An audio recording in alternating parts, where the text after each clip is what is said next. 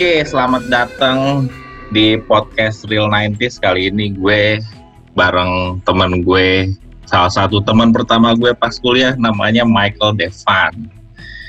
Gimana Mike, lo udah seger belum pagi-pagi nih? Ada gak sih orang podcast pagi-pagi? Gue sih masih newbie, gue gak tahu. Podcast tengah subuh-subuh juga ada cuy, bebas-bebas aja sih. Lo kalau malam kan emang jam-jam jam-jam apa ya, jam-jam basi, jam-jam gantung gitu kali ya orang kan juga banyak yang insom insom gitu cuman kalau pagi tahu kalau pagi ritual ya, biasa kan biasa gue pagi bangun cuy gue nggak bisa bangun bangun bangun siang sekarang gila kaca, kaca jendelanya panas gila bangun jam delapan ya. Ah emang lu tidur udah. di tidur di sofa belakang lo? Kagak cuy. Maksud gue di kamar gue tuh kacanya tuh langsung langsung cahaya matahari gitu jam 7 udah pasti panas. Mau nggak mau bangun. Kalau pagi-pagi lo ada ritual kayak dengerin musik gitu gak sih? Lo mau deketin gue ya nanya-nanya gitu pagi-pagi gue yeah. lo, lo kan namanya. Gue gak, gue gak tertarik kayak, sorry kayak gue masih sama cewek. Iya. Eh, lu pagi-pagi dengerin gitu. musik lah gue. Musik-musik kayak apa nih yang lo dengerin biasanya pagi-pagi mah? Gua biasanya eksplorasi pagi-pagi lagi pengen apa gitu. Uh, ini semua gara-gara Spotify sih. Gue jadi jadi keenakan loh kalau gue nggak mikir gitu oh ya udah deh gue daily mix aja. Ayo udah dari musik-musik yang gue like duluan dari hari-hari sebelumnya. Hmm. kayak kayak gue udah bikinin playlist saya gitu yang udah ya udahlah playlist apa pun itu gue tinggal uh, mainin gitu aja. Gue udah males mikir juga pagi-pagi. Gantung kalau senggang sih gue pasti nyari lagu baru sih. Hmm. nah ini menarik juga. Soalnya nih gue sambil ngepoin ini lu sih apa namanya kayak Spotify lu gitu. Nah, lu kan banyak playlistnya nih. Nah, lu tuh di zaman Spotify gini gimana lu lu cari referensi musik baru tuh gimana sih? Terutama pakai Spotify dulu deh kalau pakai Spotify gimana nih? Oh, udah paling udah paling enak sih Spotify sih. Kayak gue juga ngeliat dari Pitchfork lah, dari NME kayak gitu-gitu apa yang bakal keluar, siapa yang lagi bikin lagu baru. Karena kan memang algoritmanya Spotify sebetulnya akan melink ke lagu yang lu suka dengerin sebelumnya gitu kan. Hmm. Dia kan akan dia akan nyari lagu-lagu yang mirip BPM dan soundnya dan segala macamnya. Hmm. Eh, kadang kadang lu ngerasa jadi terbatas karena uh, apa yang lu dengerin kemarin-kemarin terus lu belum tentu lagi mau dengerin minggu ini gitu atau hari ini. Jadi lu kayak hmm. uh, eh gue udah bosen banget dengerin sound-sound kayak gini gitu. Jadi jadi tapi itu PR-nya lah. Jadi lu harus kayak like like genre-genre yang berbeda gitu kan. Hmm. Nah, makanya gue kadang-kadang suka, ayo kalau gue lagi bosen nih gitu gue ganti. Kayak misalnya lu lagi kerja biasanya ya udahlah siapa yang nggak dengerin lo-fi hip hop lah ya lagi lagi kerja tuh udah pasti dengerin itu lah. Biasanya hmm. tuh orang-orang tuh dengerin itu kan. Lo-fi tapi buat jadinya, jadi background gitu ya? Iya, tapi kan hmm. jadi kan tapi jadinya uh, semua recommendation lo jadinya kayak lo-fi semua gitu. Hmm. Ya, gua, uh, gua gua cari gua harus cari lagi yang lain gitu maksudnya musik-musik yang lain yang memang yang yang nggak nggak situ eh lumayan menggampangkan tapi agak PR kalau lu nggak tahu apa yang lu cari. Hmm, berarti kalau nah, pakai Spotify juga lu masih nyari kayak referensi dari kayak review-review media gitu juga ya? Lu surfing nah. lebih lebih banyak kayak review media atau lu surfing sendiri di Spotify gitu? Gua dua-duanya sih. Kadang juga hmm. ngelihat temen lu lagi mainin lagu apa, lu penasaran lu dengerin, oh ya ini enak juga ya. Jadi tanpa hmm. lu nanya temen lu juga kayak oh ini enak nih. Ya, gitu kan. terus kadang-kadang juga mereka ada pasti kan ada rilis kan siapa aja yang baru rilis radar tuh. Hmm, rilis radar. itu membantu banget sih kita tapi ya emang dari media juga uh, eh, gue sering-sering ya online atau ya online sih gue pasti lihat sih siapa yang baru keluar. Kayak kemarin kan gue penasaran tuh gue belum dengerin sih album Killers yang baru kayak gimana. Baru satu lagu doang. The Killers yang baru Oh, Jadi kan NMA kan, nah NMA kan udah ada reviewnya sebelumnya gitu, kayak udah ada beberapa hari sebelum keluar tuh udah ada reviewnya. Hmm. Gue penasaran juga di Spotify belum. Jadi kadang-kadang kalau lu mau tahu ya kayak lu harus lihat Pitchfork atau NMA sih yang kayak gitu-gitu sih, kayak apa sih apa pun itulah ya. Hmm. Uh, kayak lagu-lagu baru dan segala macamnya lah. Ya, gue sih dua-duanya aja sih gue dengerin, gue juga cari. Kalau lu sering pakai ini nggak di Spotify apa namanya Um, kalau gue sih soalnya recommended for you-nya tuh apa itu ya kalau di sini? Uh, uh, uh, Discover Weekly. Jadi Iya, kalau gue Discover Discover Oh, Weekly gue sering pakai, cuman bosen gila kadang-kadang ya udah itu tadi lagunya kayak ya udah udah dengerin dulu kemarin-kemarin gitu. kalau gue kayak sengaja misalnya eh, berapa hari gue dengerin indie, terus berapa hari gue dengerin hip hop, terus berapa hari gue dengerin apa yang lain. Tapi ntar tuh kayak sebulan tuh jadi nyampur sendiri gitu tau nggak lo algoritma di iya. Discover Weekly. Ya, kadang juga gue begitu sih. Kadang kayak ya, tapi kayak ya itulah maksudnya kadang lu lagi gak gak nggak lu lupa ya lu dengerin order sekarang aja lu harus ngatur lagi sendiri kan seminggu Hmm. enggaknya gitu gitu. Ya untungnya gue ada, gue emang udah bikin playlist playlist yang kayak seperti itu. Jadi ganti-ganti mood lah gue tiap hari ya. Karena gue udah bangun dulu playlist playlist kayak ini playlist lagu santai, lagu tidur, lagu lagu eh, apa kayak gitu, lagu mabok gitu, lagu lagu godain cewek gitu. Kayak lagu hip. Masih lu pakai lagu berarti masih lu pakai buat godain cewek. Ya enggak lah kalau lagi pengen bangun mood gitu kan lo kayak Oh iya. gitu. Tuh kok tuh ada tuh playlist gue tuh namanya tuh uh, Cosmic C. Hmm. Tapi emang berarti kok karena ada Spotify ini lu jadi apa namanya?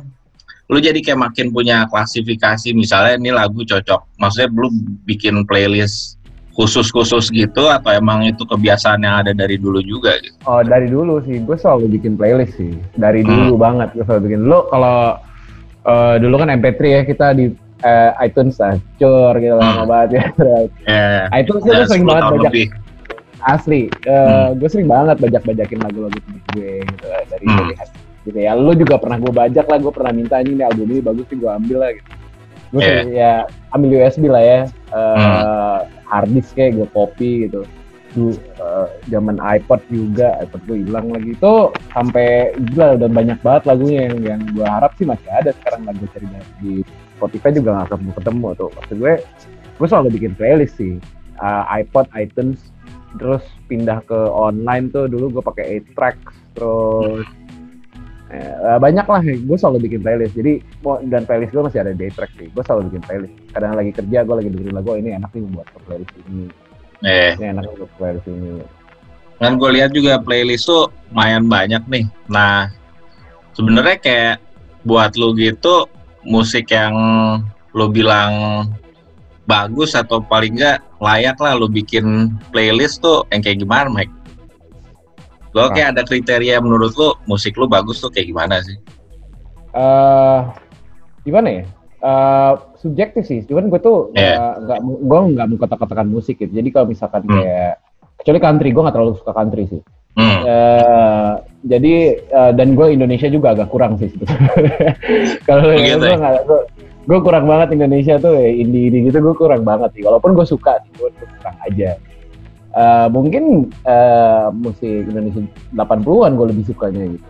Hmm. 80 gitu. Atau 90 lah yang sekarang gue belum nggak terlalu gimana. Cuman yang bagus menurut gue eh harmoni sih, harmoni sama kompleksitas apa ya aransemen. Walaupun kadang-kadang kompleksitas aransemen tuh nggak berarti harus kompleks banget sampai nadanya aneh-aneh segala macam. Cuman kadang-kadang yang sesim yang simple gitu tapi eh, sebetulnya kompleks gitu kalau lo lo lo lo dengerin berkali-kali gitu. Ya, Hmm. jadi nggak ada pakemnya sih yang bagus atau enggak ya eh, tergantung persepsi masing-masing aja. Cuman menurut gua sih setiap genre itu punya ada distinct masing-masing terus ada memang ada eh, eh, apa namanya eh, batas apa bukan batas sih kayak maksudnya ada titik-titik faktor-faktor yang gue suka kayak misalkan kalau di hip hop di hip hop mungkin gue akan memperhatikan lebih banyak ke eh, aransemen beatsnya gitu dibanding Hmm. rap dibanding rapnya sendiri gitu. Hmm. Eh, jadi memang gue akan ngambilnya banyaknya yang eh, kayak jazz matas gitu kan. Hmm.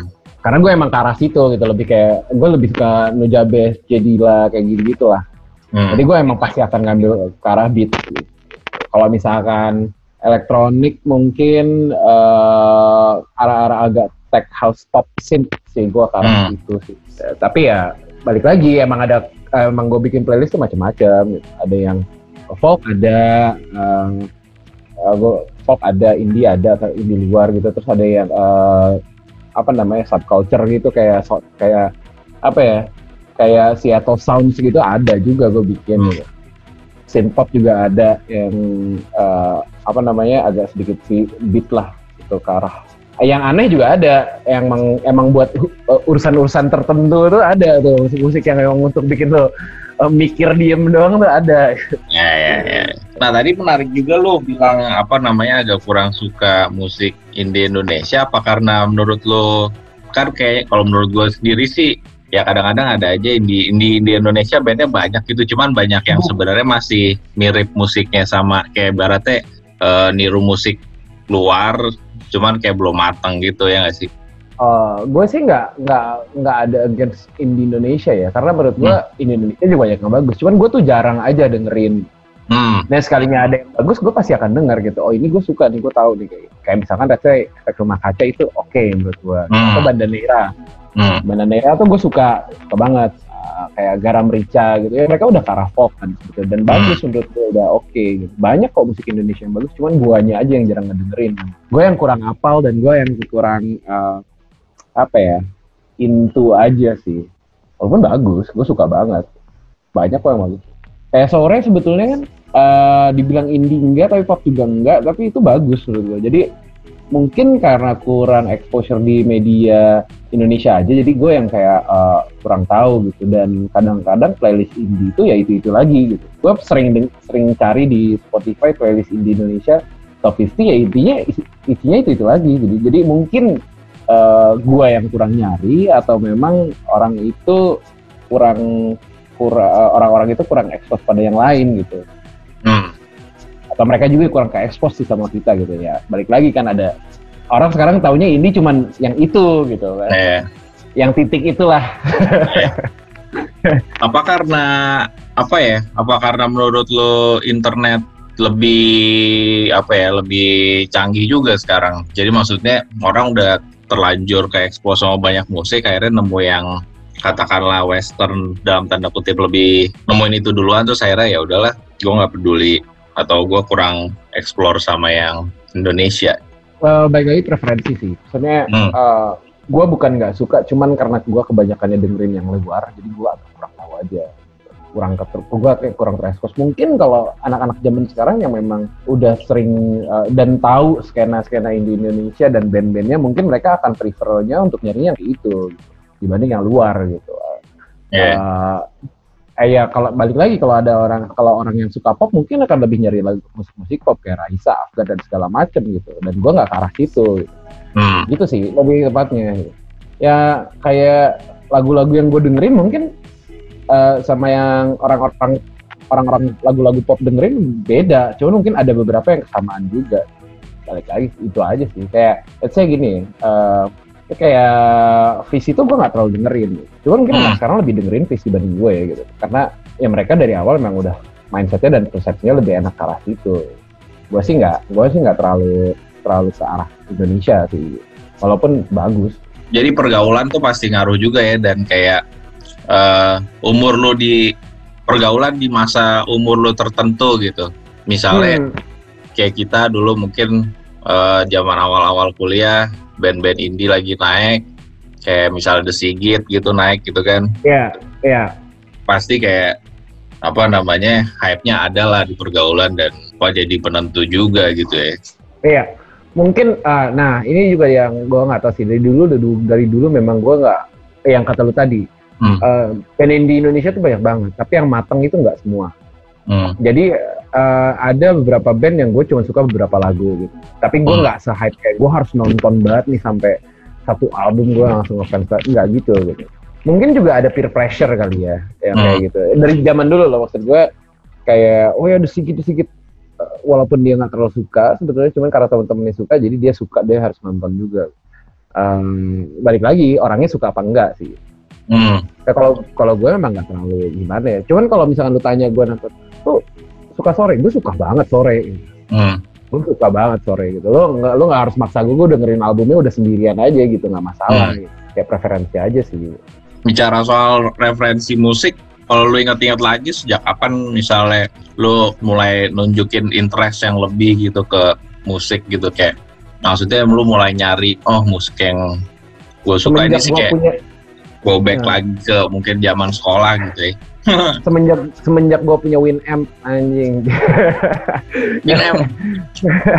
Tapi Winamp kan itu, bukan kayak iTunes ya yang bisa nyari. Cuman Winamp tuh lebih playlist iya, lo harus cari, buat lo harus, play lo harus cari kan. sendiri sih. Iya, Hmm. lo harus cari sendiri. Eh, tapi maksudnya jadi ada medium untuk lo nyari-nyari.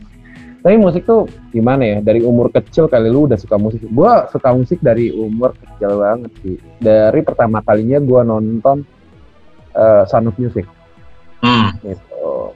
Jadi eh, dari situ sih gue udah mulai eh, suka musik apa pun itu. Gitu. Eh, terus ya SMP lah ya MTV happens. Hmm. Eh, kita semua terekspos sama MTV, which dulu MTV masih bener-bener soal musik ya, Hmm.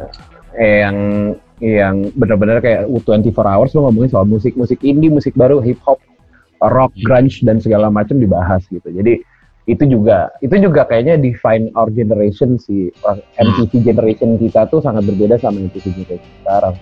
MTV dulu tuh bener-bener ngulik soal musik yang jadinya lo tertarik gitu.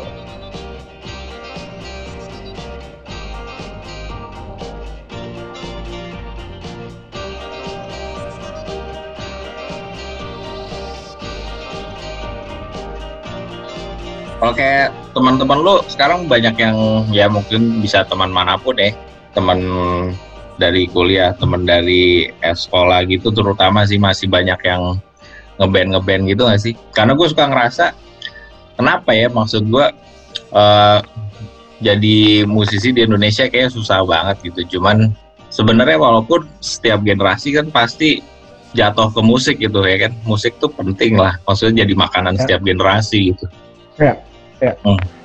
Bermusik di Indonesia tuh nggak murah menurut. Karena modal lu modal mental modal duit itu harus gede harus kuat sih. Eh nggak murah karena lu harus maintain itu berapa tahun sampai lu diakui sampai lu punya fanbase sampai lu berhasil nemuin musik yang eh, disukain orang eh, tapi tidak melenceng dari idealis lu sendiri. Eh, gue Hmm. nggak ngomongin soal pop ya Hmm. Uh, pop is a different thing. Maksudnya lagu yang yang one hit one hit udah lu bisa akan langsung terbang aja gitu. Cuman kalau misalkan musisi-musisi band indie dan segala macam ya itu balik lagi. Itu agak berat di situ sih gitu. Uh, temen gue masih banyak yang ngeband. Uh, banyak. Uh, ada yang berhasil ada yang udah terkenal ada yang uh, masih biasa aja tapi dia mencari mata pencarian di sekitar band itu gitu kita nggak harus selalu jadi band tapi mungkin ada di sound engineer gitu ada yang di bagian mana gitu ada yang mungkin di bagian produksi lain gitu ada yang mungkin di eh, apa namanya bikin jingle dan segala macam banyak yang seperti itu juga so eh, balik lagi tergantung mental aja sih modal mental sama modal modal duit sih Emang harus modal duit sendiri di awal gitu ya? Pastilah ya. Ya pastilah lo jadi band eh, nggak mungkin langsung diambil label langsung gitu cuy. Pasti lo harus ngambil kayak ya udahlah lo harus berusaha sendiri lah berjuang di mana-mana kan gitu. Kan mau nggak mau lo jadi musisi ya lo harus berjuang sendiri. Gitu. Bokap lo siapa gitu. Bokap lo pemusik terkenal atau banyak duitnya ya lo dimodalin lah dari awal Hmm. gitu. Cuman nggak banyak lah temen gue yang seperti itu. Banyaknya temen gue ya ya berusaha dari awal dari band cafe terkenal uh, udah banyak kenal uh, atau mereka bikin single terus akhirnya diterima uh, masyarakat terus akhirnya uh, manggung di mana udah lumayan gitu kan sampai akhirnya uh, ya di label lah walaupun nggak gede tapi kadang-kadang labelnya cukup memadai terus untuk mereka manggung offline gitu lu juga banyak lah banyak lah teman-teman kita yang kayak gitu lah kayak Iya. Lu ada kayak dengar-dengar cerita-cerita suka duka gitu gak sih kalau dari teman-teman lu yang sukses terutama ngeband gitu? Maksudnya kayak apa sih perjuangannya mereka gitu? Yang mereka sharing ke lu gitu. beda-beda sih ya orang-orang ya. Ada yang memang kayak ya udahlah fakit eh, fakit lah maksudnya bo- bodo amat lah gue nggak gua nggak terlalu musingin hal-hal berbau itu segala macam dia akan go through with the apa namanya eh, seninya gitu dan segala macam. Walaupun ada banyak banyak banyak aspek nggak nggak bisa dibohongin gitu pada saat lo ngomongin musik dan lo mencari mata pelancaran dari dari musik faktor bisnis tuh ada di situ gitu Hmm. ada yang nggak nggak peduli sama faktor bisnisnya udah bodo amat terserah yang ada yang ngurusin gitu. Ada yang memang struggle banget sampai ya gue harus make make net apa make and meet sampai sambil uh, ambil pemasukan sana sini dari kanan kiri gitu. Jadi uh, kadang mereka yang yang sekarang berhasil dan yang sekarang masih di musik itu kadang mereka di tengah-tengah tuh ada ragu gitu apa gue harus berhenti terus oh ya udah gue nyari yang lain gitu atau gue lanjutin gitu. Tapi yang biasanya berhasil ada mereka ya udah gue lanjutin terus akhirnya dapat big breaknya mereka gitu. Hmm. itu sih banyaknya baik lagi determinasi sih. Mentalnya juga harus kuat. Tapi mungkin yang kalau mau sukses secara finansial dari musik tuh mesti ini juga kali ya. Maksudnya lo jangan ngandelin yang kayak lo cerita tadi sih jangan ngandelin jadi ngeband doang. Mungkin jadi kayak awal sound engineer juga. Jadi kayak ada banyak skillnya dia gitu di portonya dia juga gitu ya. Iya yeah, benar apa ya karena aplikasinya banyak. Terus hmm. uh, ya ini ini ngomongin yang memang ya, musik banget. Terus ya ya udah gitu semuanya berkutat dengan musik dan tidak ada sampingan yang lain gitu. Ya itulah. Ya sound engineer uh, atau mungkin jadi manajemen gitu hmm. manajemen uh, band dia dan band lain gitu atau di mana gitu. Jadi uh, banyak pekerjaan yang di ya ada beberapa yang harus mengambil pekerjaan di luar juga gitu untuk menghidupi si musiknya ini kayak lagi lo beli gitar dari mana men kalau nggak ada duitnya? Gitu kan. Yeah. ngandelin, ya. manggung, ngandelin manggung doang sih sulit juga. Gue tau lah bayaran bayaran awal lu berapa lah. Gitu hmm. lumayan sih lumayan berat sih. Lumayan nyesek ya.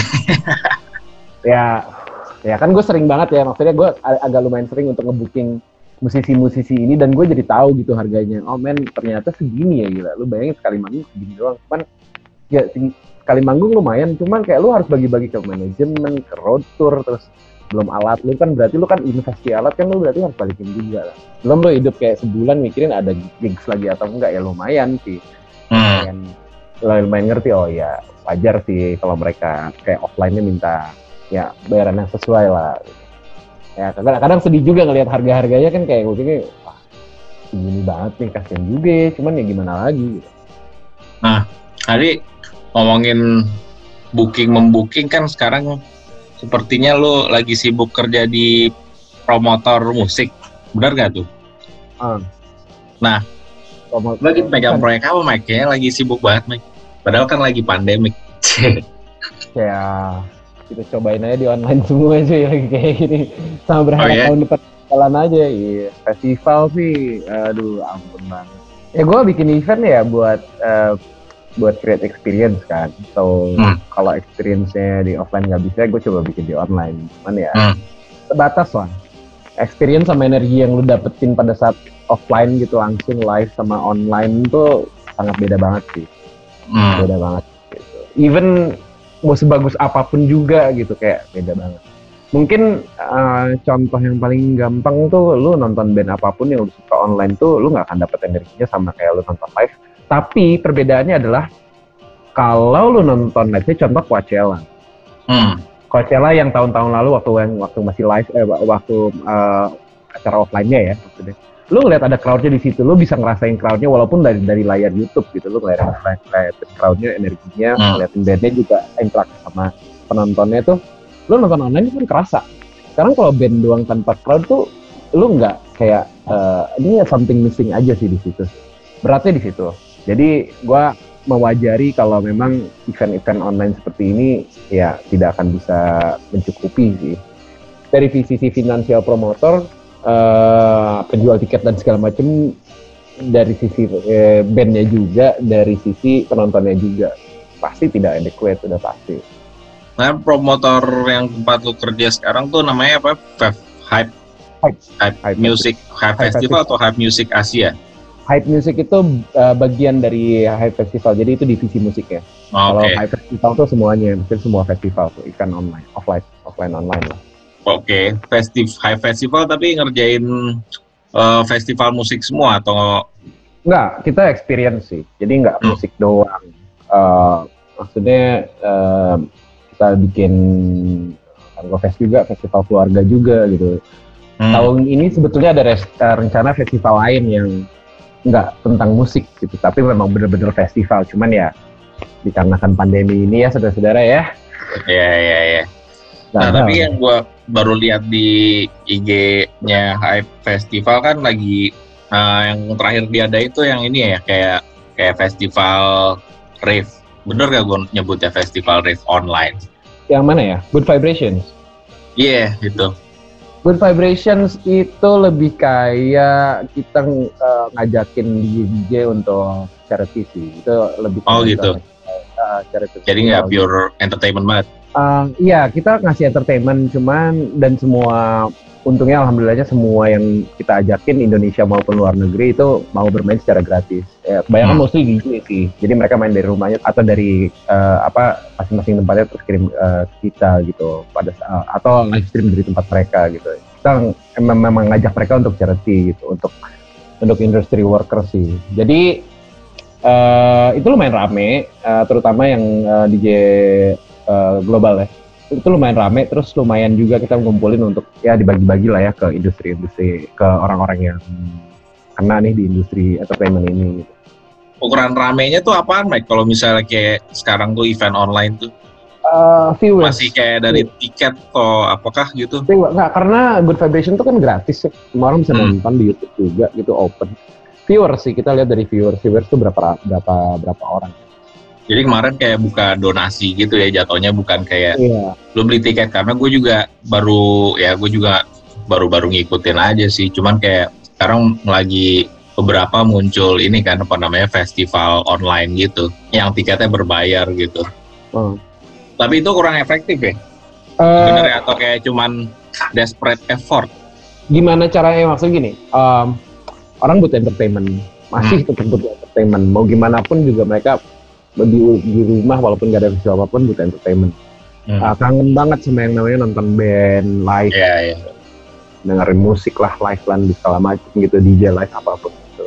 Hmm. Uh, satu sisi itu, satu sisi lagi ini mereka semua ini pekerja musik ini DJ lah band penyanyi dan segala macam butuh duit juga, gitu. butuh hmm. pemasukan hmm. juga. Gitu dan promotor, uh, ticketing system, distributor semuanya juga bergantung pada pada dua sisi ini gitu, pada maksudnya dari penonton yang butuh entertainment. Yeah. Ya. Uh, gimana how to make it happen ya udah make it happen. Cuman memang budaya kita untuk menonton online itu belum terbangun dengan baik dan memang balik lagi feel-nya memang kurang pada satu nonton itu. Dan ini berbeda sama nonton live. I mean kalau lu nonton live lu one person one ticket kan. Hmm. Sedangkan lu kalau nonton online lu ajak aja temen lu lima lima enam orang lu beli satu tiket lu nonton di laptop lu. Out oh iya, bisa ya. Bisa lah.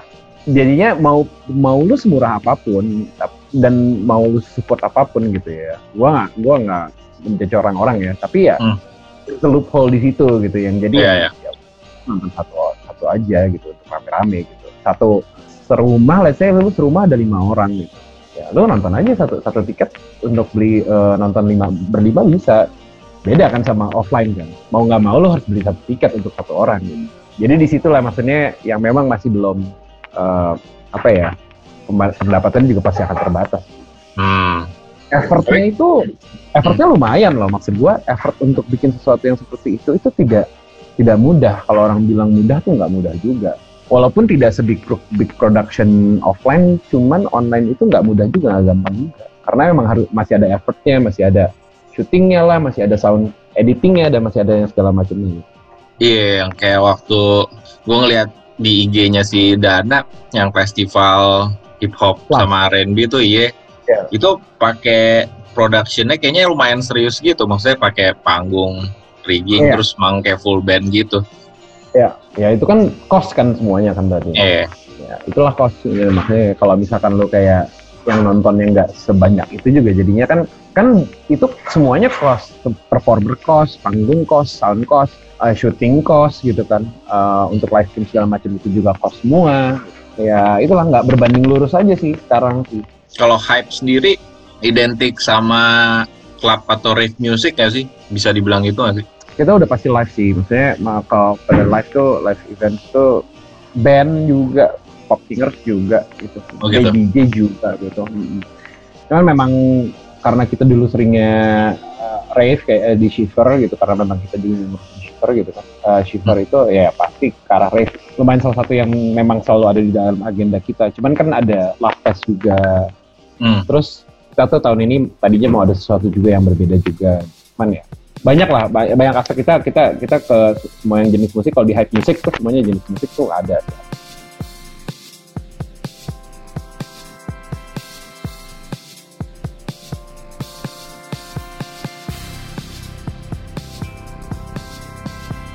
Apa tapi kalau secara tadi ngobrol-ngobrol kos prioritasin klub musik atau rave music sekarang lebih lebih cocok buat hype apakah karena itu itu bakal lebih uh, lo, costnya lebih lower nggak sih dibandingin kayak lo ngelakuin kayak flash gitu oh kayak flash gitu maksudnya kayak band gitu iya yeah. sebetulnya ada plus minusnya hmm.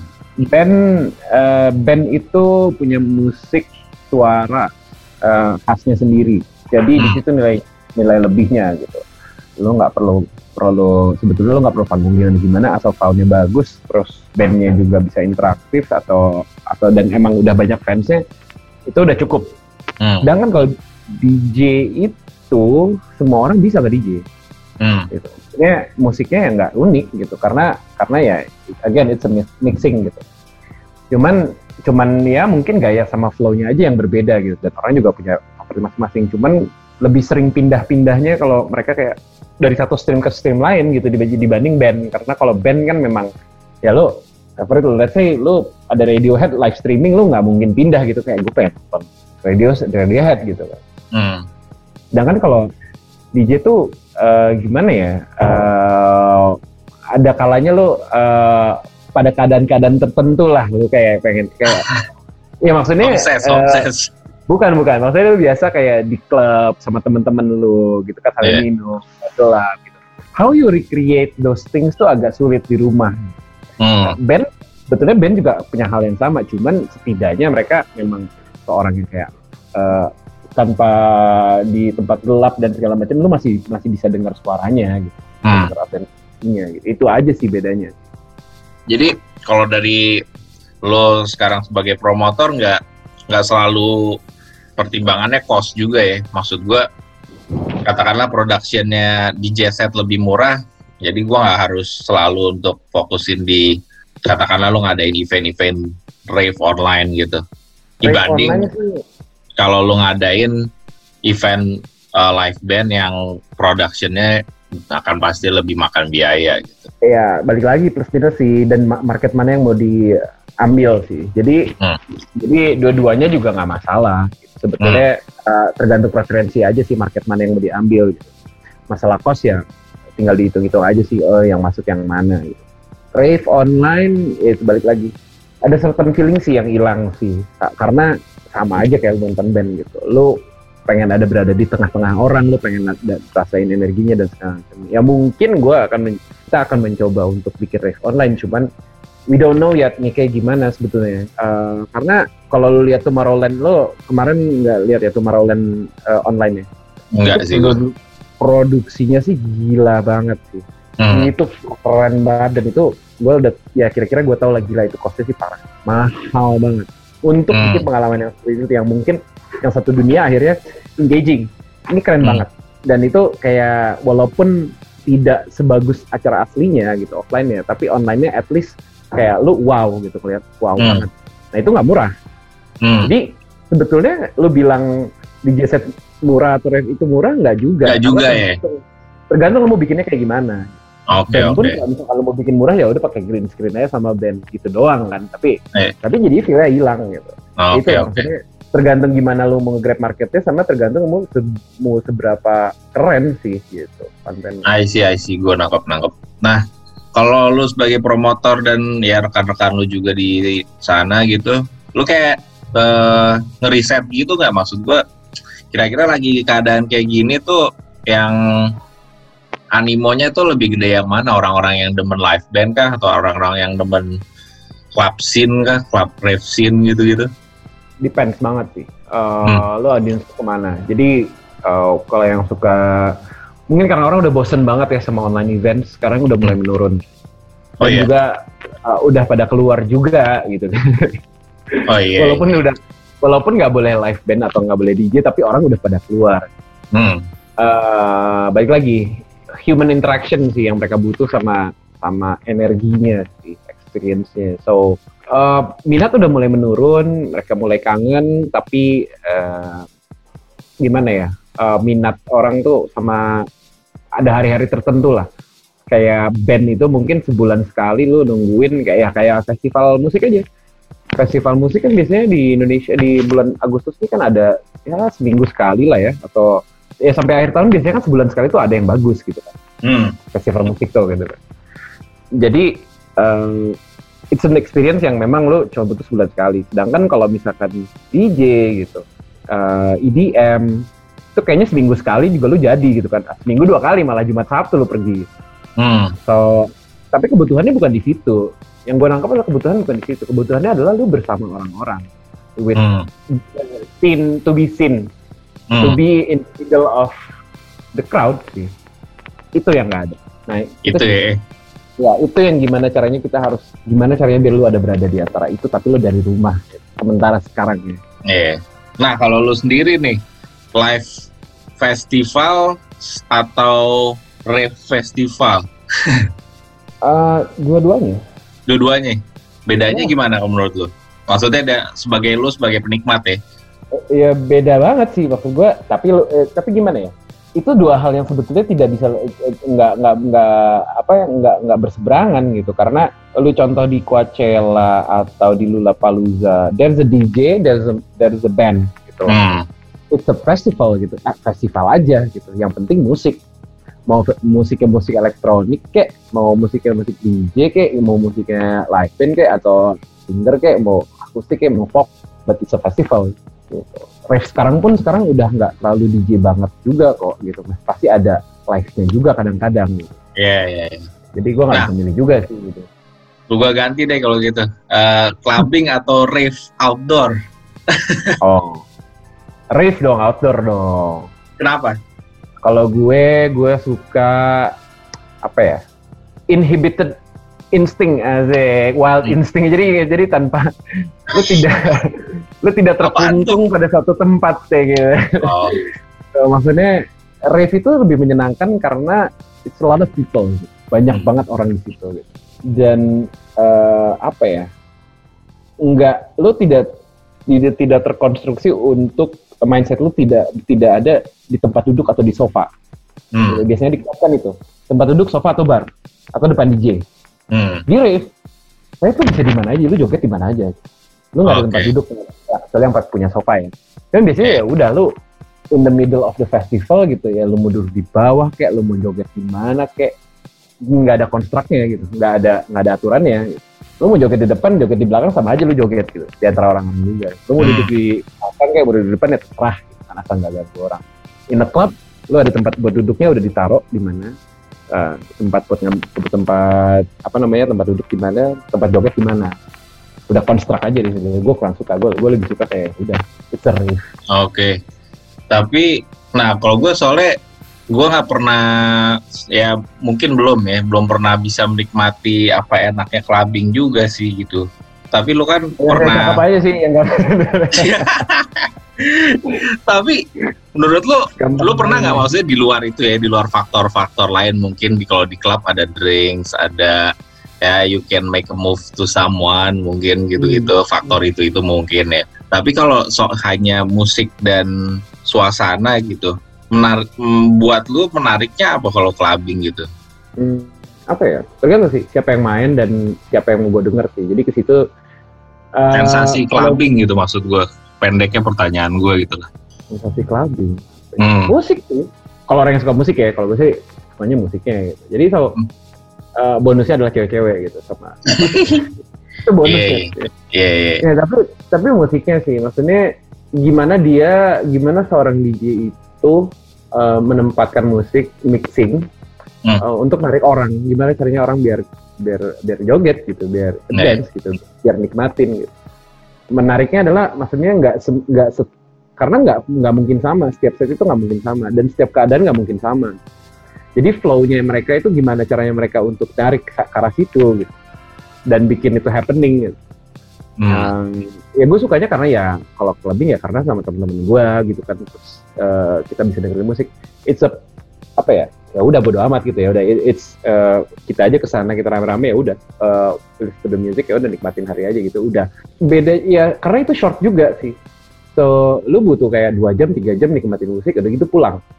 Nggak Hmm. beban nggak capek lu nggak harus mikirin gimana cara pulangnya gimana cara gua nginep apa enggak gitu kan terus uh, dan segala macam. It's a short and sweet stop aja untuk lo datang dengerin musik terus gimana caranya? Wah itu setnya keren banget. Yang dibilangnya set keren banget tuh orang gimana cara build up-nya sampai peaknya sampai turunnya gitu kan. Hmm. ya itu sih yang dicari. Ya udah uh, short aja. Gue kayak gue bosen ngedengerin SoundCloud uh, atau mixtape siapa gitu ya. Kadang kadang-kadang lu butuh refreshing kayak lu pengen tahu oh ini si orang ini mainnya kayak gini oh keren juga. Itu sih. Balik lagi energinya kalau hmm. lu ngedengerin musik sendiri ya kayak gila garing gila gitu ya dibanding sama lu ke klub terus lu dengerin musik joget even sama strangers atau sama temen-temen lu ya sesuatu aja sih Oke. Okay. Nah, gue punya dua pertanyaan nih tentang clubbing. Satu, clubbing itu um, clubbing tuh benar nggak identik dengan lo nggak sadar dalam tanda kutip baru bisa menikmati atau kayak dua emang musiknya itu emang the main attraction juga gitu. Ya tergantung sih kayak orangnya kayak gimana sih. Kalau yeah. gue Nah, dari lu aja lah dari lu. Kalau gue sih ya karena gue suka musik juga ya, gue mau sadar juga ya kalau musiknya enak sih gue wah ini keren sih. Goyang-goyang aja sih. Hmm kalau buat gue sih musik musik sih nomor satu mau sebanyak apa minumannya musik cakep apa ceweknya di situ gitu kalau nggak enak musiknya gue cabut sih hmm. mau sesadar apa pun gue gitu kalau misalnya musiknya enak ya gue stay hmm.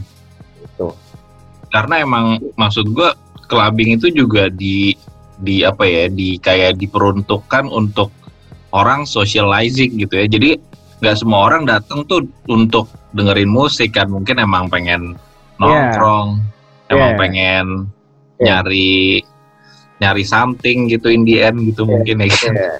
yeah. Escape aja sih sebetulnya itu escape aja ya clubbing. Itu it's a, uh, escape aja sih dari dari seharian lo. Makanya kenapa weekend kan karena orang udah muak banget sama Jakarta capek ya udah gue escape lah clubbing deh. Ya, hmm. ya itulah beda-beda alasannya. Ada yang pengen dengerin musik ada yang juga pengen mabok doang gitu kayak ini gue mabok gue pulang. Hmm. buat gue musik tetap nomor satu. Mau seenak apa pun tempatnya kalau musiknya sampah sih gue cabut.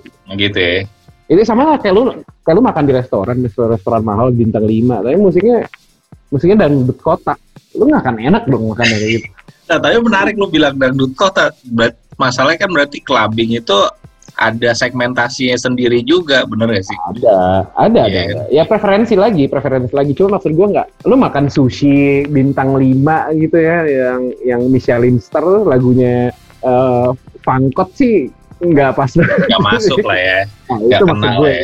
ya itulah. Maksud gue kan ya preferensi ada masih mungkin ada yang suka juga mungkin ada yang ada yang suka gue nggak tahu sih. Cuman buat gue sih uh, musik nomor satu sih. Mau tempat sebagus apa pun kalau musiknya jelek mungkin musik jelek kok nggak mau datang lagi sih.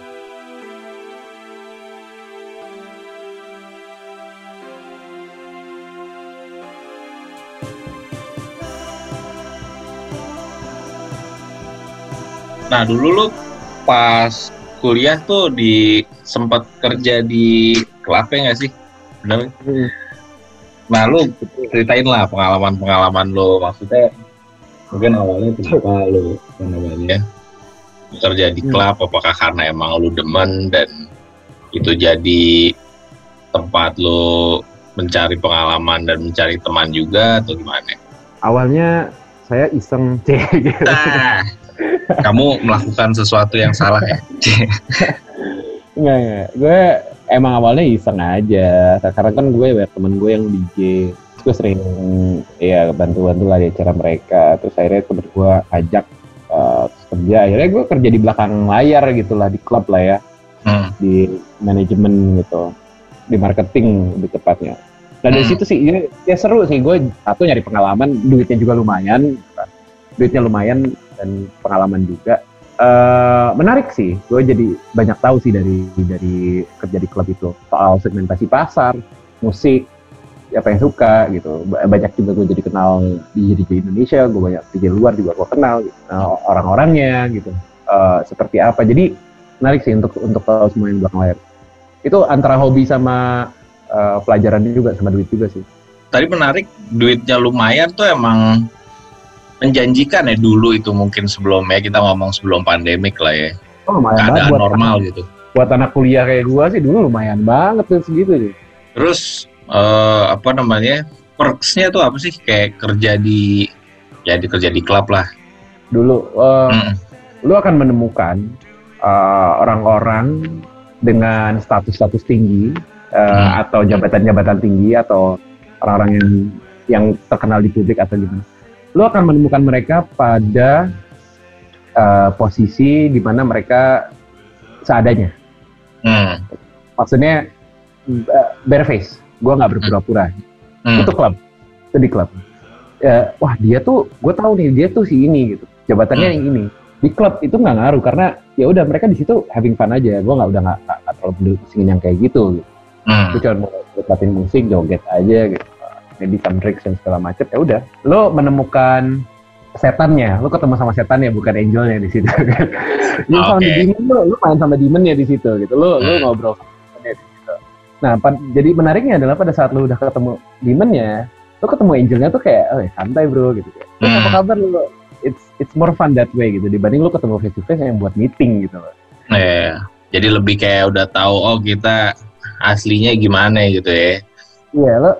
Jadi peribahasa it's better to work with the devil you know itu benar adanya. Lebih baik lo tahu setannya kayak gimana. Jadi pada saat lo ketemu uh, angelnya, malaikatnya tuh uh, sisi seriusnya, oh lu udah gue udah tahu, oh gue udah tahu kelakuan lo kayak gimana sebetulnya. Jadi ya udah. Eh, there's nothing to hide juga sekarang gitu kan. Ya, ya, seru ya, aja ya. sih, seru banget sih. Gue menemukan hal banyak hal yang kayak gitu dan gue ketemu banyak orang aja. Berapa lama sih dulu lu kayak sempat kerja di klub? 4 tahun sih. 4 tahun. Posisi apa? ya? Marketing manager. gitu. Hmm. Terus kayak ada pengalaman yang nyambung nggak sekarang lu kerja di promotor sama dulu lu kerja di klub gitu?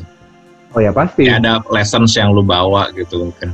banyak banyak banyak maksudnya untuk tahu apa yang orang suka gitu kan terus genre musik Hmm. gue diperluas lagi sih di situ dibanding dulu band terus lu gue ke DJ tuh oh ya udah gue udah tahu sekarang musik seperti ini gitu terus dari sisi production dari sisi banyak sih angle marketing dan segala macam gue gue banyak belajar Oke oke.